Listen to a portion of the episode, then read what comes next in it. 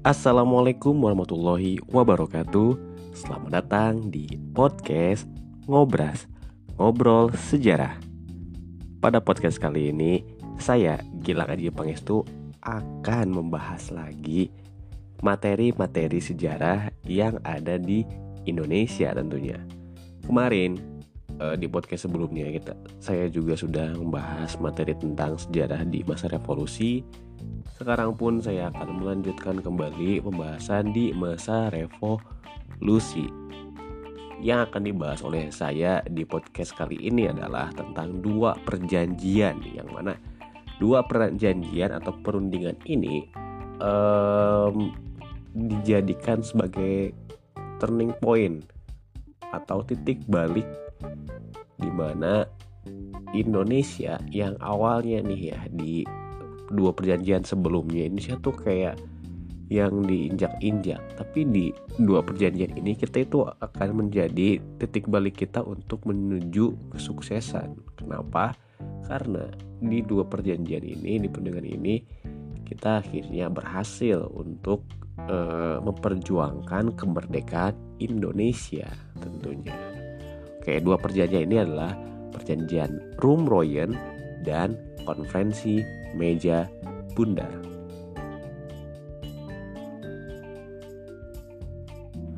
Oke, kita mulai aja ke perundingan yang pertama yakni perundingan Rumroyen.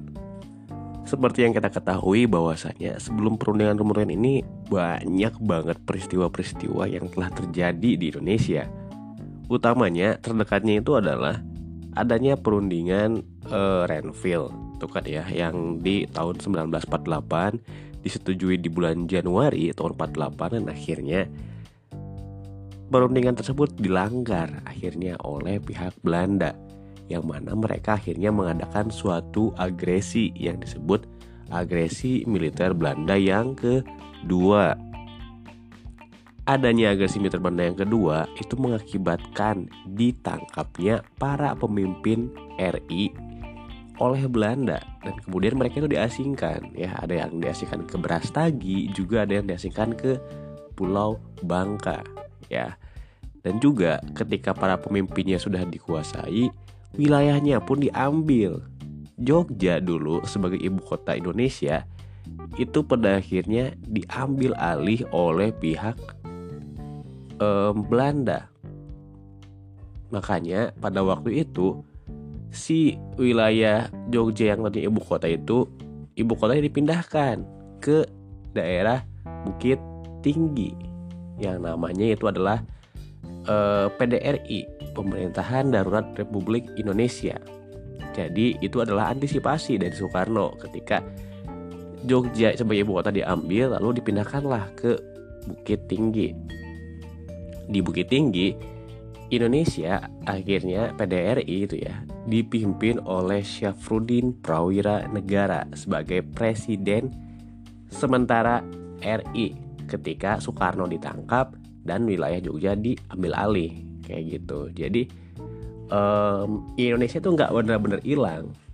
Kan kalau misalnya logikanya ya kalau ibu kota diambil alih ya udah berarti Indonesia hilang tapi kenyataannya enggak jadi Soekarno udah mikir ya antisipasi kalau kalau ibu kota Jogja diambil. Seperti itu. Lalu eh, ketika semuanya sudah ditangkap dan lain-lain mengakibatkan adanya eh, gelombang kekecewaan dari PBB kenapa kecewa? Karena begini mereka tuh mikir oh ya udahlah udah udah kesepakatan itu kan ya udah ada gencatan senjata di perundingan Renville. Tapi kok lagi-lagi Belanda melanggar, melanggar, melanggar perundingan yang telah mereka buat dengan Indonesia. Sehingga akhirnya hal tersebut menimbulkan kekecewaan oleh PBB yang pada akhirnya muncullah sebuah resolusi PBB tanggal 28 Januari tahun 1949 yang isinya adalah yang pertama Belanda harus membebaskan semua tahanan politiknya pertama jadi kayak uh, pem para pemimpin Soekarno dan lain-lain terus dibebaskan oleh pihak Belanda yang kedua mengembalikan pemerintahan RI yang dapat berfungsi bebas di Yogyakarta dan sekitarnya. Jadi um, PBB ingin ibu kota RI itu dibalikin lagi. Jadi nggak para tentara jangan nggak boleh nguasain Yogyakarta kayak gitu. Yang ketiga, mengadakan pemerintahan federal selambat-lambatnya pada tanggal 15 Maret 1949. Jadi eh, kan dari awal juga Belanda udah berencana untuk membentuk KRIS ya, Republik Indonesia Serikat. Nah, KRIS itu tuh harus segera direalisasikan. Seperti itu. Yang keempat, mengadakan pemilihan umum untuk memilih konstituante yang harus selesai pada tanggal 1 Oktober 1949. Dan yang terakhir, pengembalian secara bertahap pemerintah R Republik di lain daerah ini dengan sendirinya penarikan mundur yang bertahap dan pasukan dari pasukan-pasukan Belanda. Jadi si wilayah-wilayah Indonesia itu dibalikin lagi ke Indonesia dan para pasukan Belanda itu ditarik mundur seperti itu. Itu dari resolusi dari Dewan Keamanan PBB sebagai upaya tadi ya respon si Belanda terjadi agresi militer Belanda 2 kayak gitu. Respon dari Belanda terhadap si resolusi tersebut itu galau. Kenapa galau?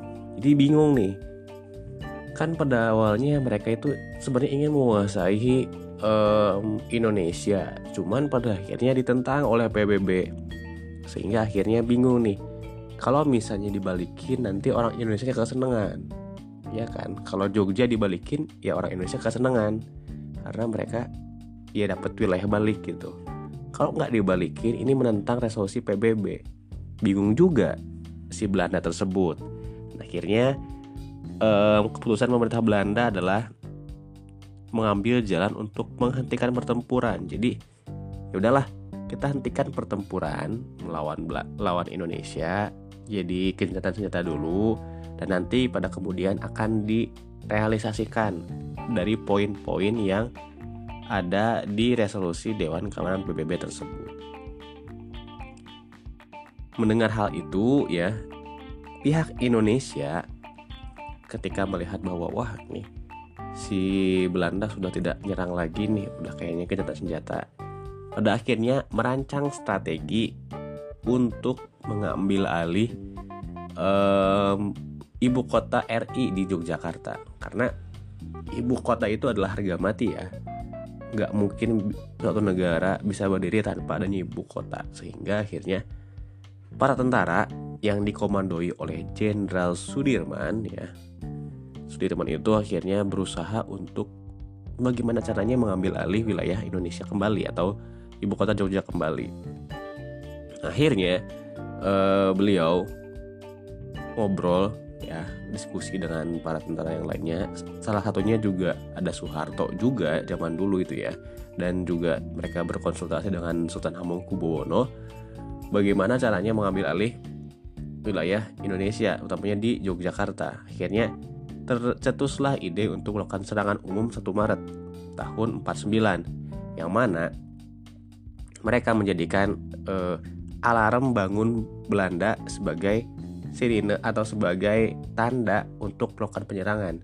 Jadi biasanya ya dulu itu Belanda itu kalau misalnya sedang eh, ya tentara Belanda itu kalau jam 6 pagi itu ada alarm alarmnya itu kayak sirine gitu ya. Sirine untuk membangunkan para pasukan Belanda. Ya kayak gitu. Jadi si tentara tuh mikir wah ini lumayan nih. Jadi nggak usah ngasih tahu ke itu ayo serang gitu. Nggak. Tapi dengan adanya sirine itu nyala itu tandanya kita langsung berperang. Jadi ketika sang satu Maret ya si Belanda itu kan pada tidur. Dan para tentara Indonesia itu bersiap-siap untuk mengepung pemerintahan Jogja mereka sembunyi di hutan-hutan dan bersiap-siap menunggu alarm jam 6 pagi. Ketika alarm dinyalakan, mereka langsung memborbardir para tentara Belanda. Bayangkan ya, para tentara yang lagi um, tidur ya, baru bangun banget tidur ya, mereka udah dibombardir dan ditembakin oleh pemerintah oleh pihak Indonesia, oleh tentara Indonesia. Itu peristiwa yang sangat uh, apa ya kayak gitulah. Orang baru bangun tidur masih cilehan keneh gitu kan ya. Udah tembakin gitu.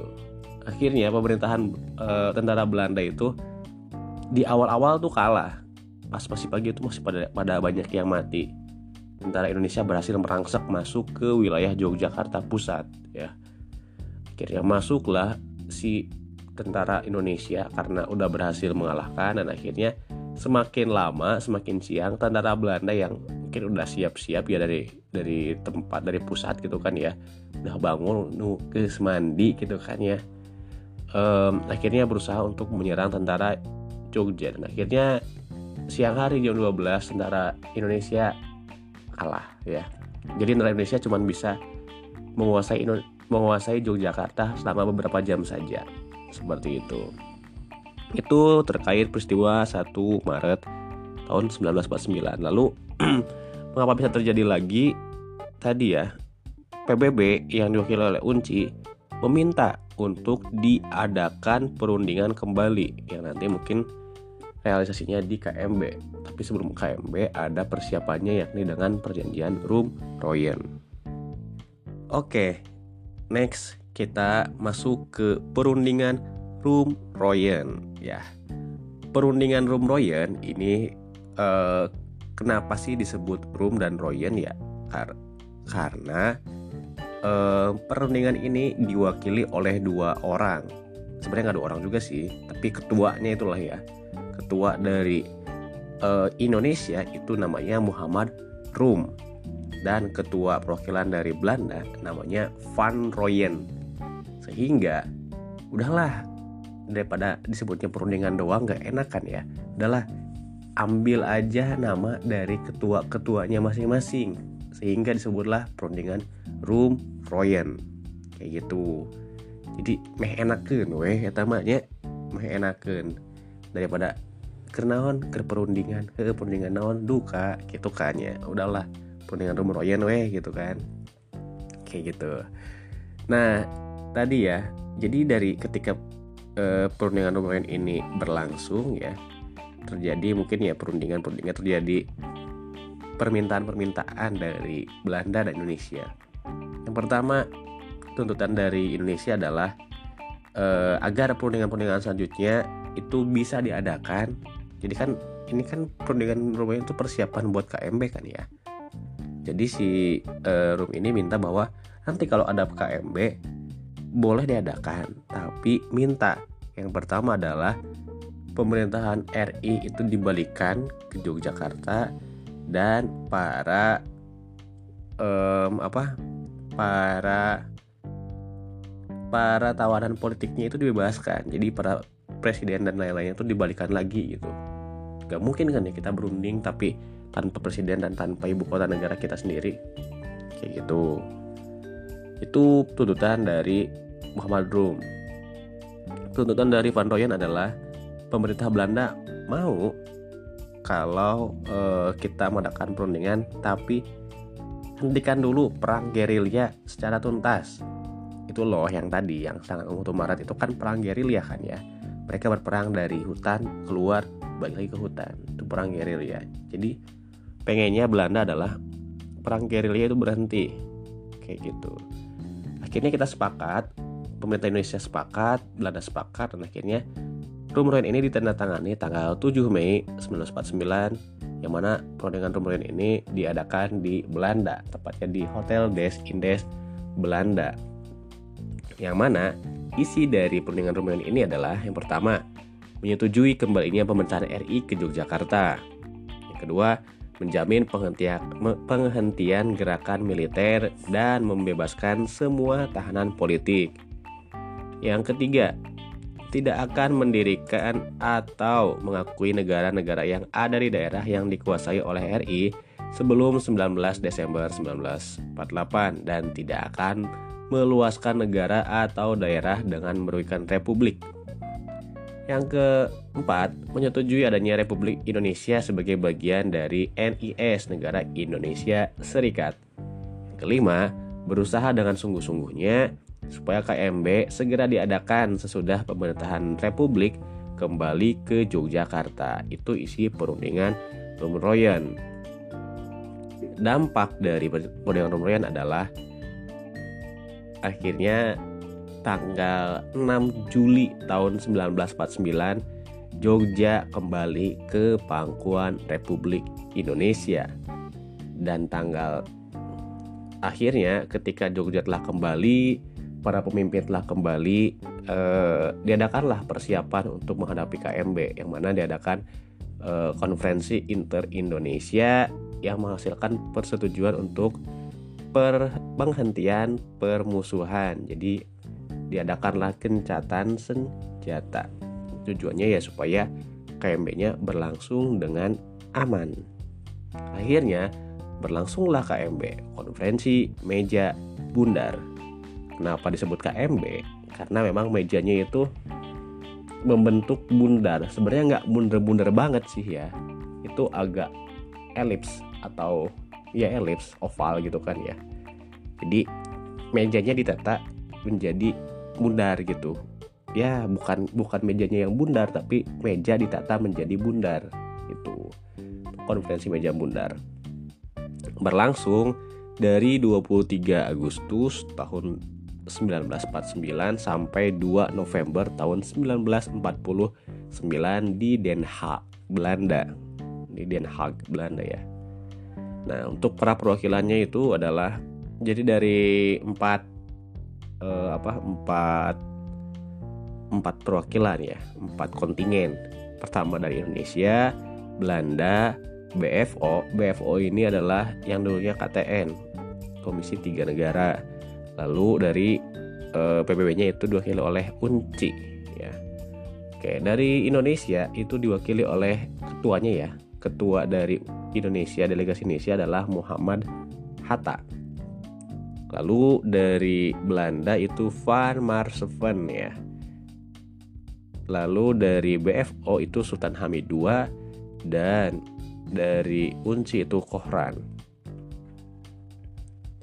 Nah, isi dari konferensi meja bundar yang disepakati di tanggal 23 November tadi adalah yang pertama, adanya pengakuan atau penyerahan kedaulatan yang lengkap dan tanpa syarat selambat-lambatnya pada tanggal 30 Desember 1949 oleh Belanda kepada negara Indonesia Serikat.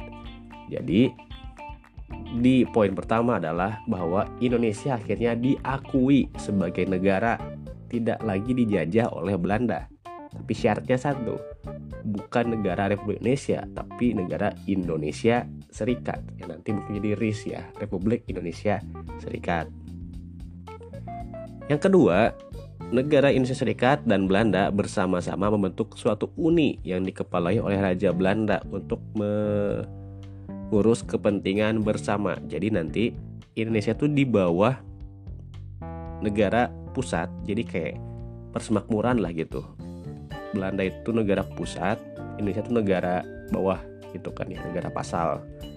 Gitu. Terus yang ketiga, Belanda tetap mempertahankan kedaulatan atas Irian Barat sampai ada perundingan lebih lanjut mengenai status wilayah itu. Jadi eh, tentang masalah Irian Barat itu masih akan dibahas. Jadi emang masih belum dilepaskan. Jadi zaman dulu itu eh, si wilayah Papua itu dikuasai oleh Belanda dan akhirnya tidak dilepaskan nanti.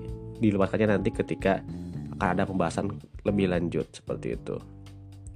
Dan yang terakhir, Republik Indonesia Serikat harus memikul tanggung jawab atas hutang Hindia Belanda sebesar 4,3 miliar gulden. Jadi hasil-hasil perang kemarin nih hutang-hutang perang Belanda melawan Indonesia itu tiba, harus dibayar oleh Republik Indonesia Serikat harus dibayar oleh Indonesia.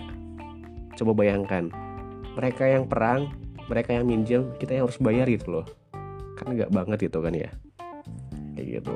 Itu terkait konferensi meja bundaran pada akhirnya akhir um, Desember tahun 49 30 Desember 49 akhirnya mereka mengakui bahwa Indonesia menjadi tidak lagi dijajah oleh mereka dan menjadi Republik Indonesia Serikat yang pada akhirnya di tahun 50 tahun 1950 Indonesia sudah tidak lagi dijajah oleh Belanda dan para tentara Belanda balik lagi ke Belanda di akhir tahun 49 seperti itu.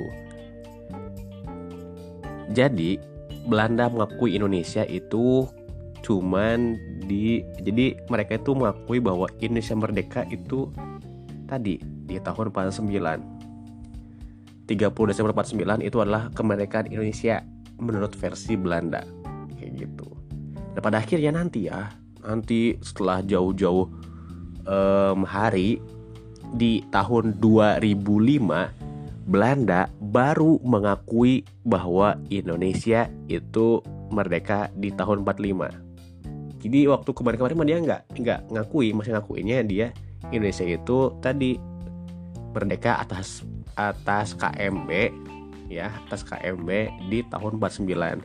Sedangkan tahun 2005 mereka itu mengakui pada akhirnya memberikan pernyataan bahwa ya kita mengakui bahwa Indonesia merdeka 17 Agustus 45 dan mereka minta maaf atas segala apa yang telah mereka berbuat di masa lalu dan ingin melakukan hubungan baik dengan Indonesia. Ya segampang itulah ya minta maaf ya biasalah. Udah bikin masalah ya pasti um, ujung-ujungnya minta maaf kayak gitu. Oke, itulah pembahasan dari saya terkait materi Room Royer dan KMB. Ya semoga bermanfaat. Terima kasih atas perhatiannya. Tetap semangat, jaga kesehatan. Salam historia.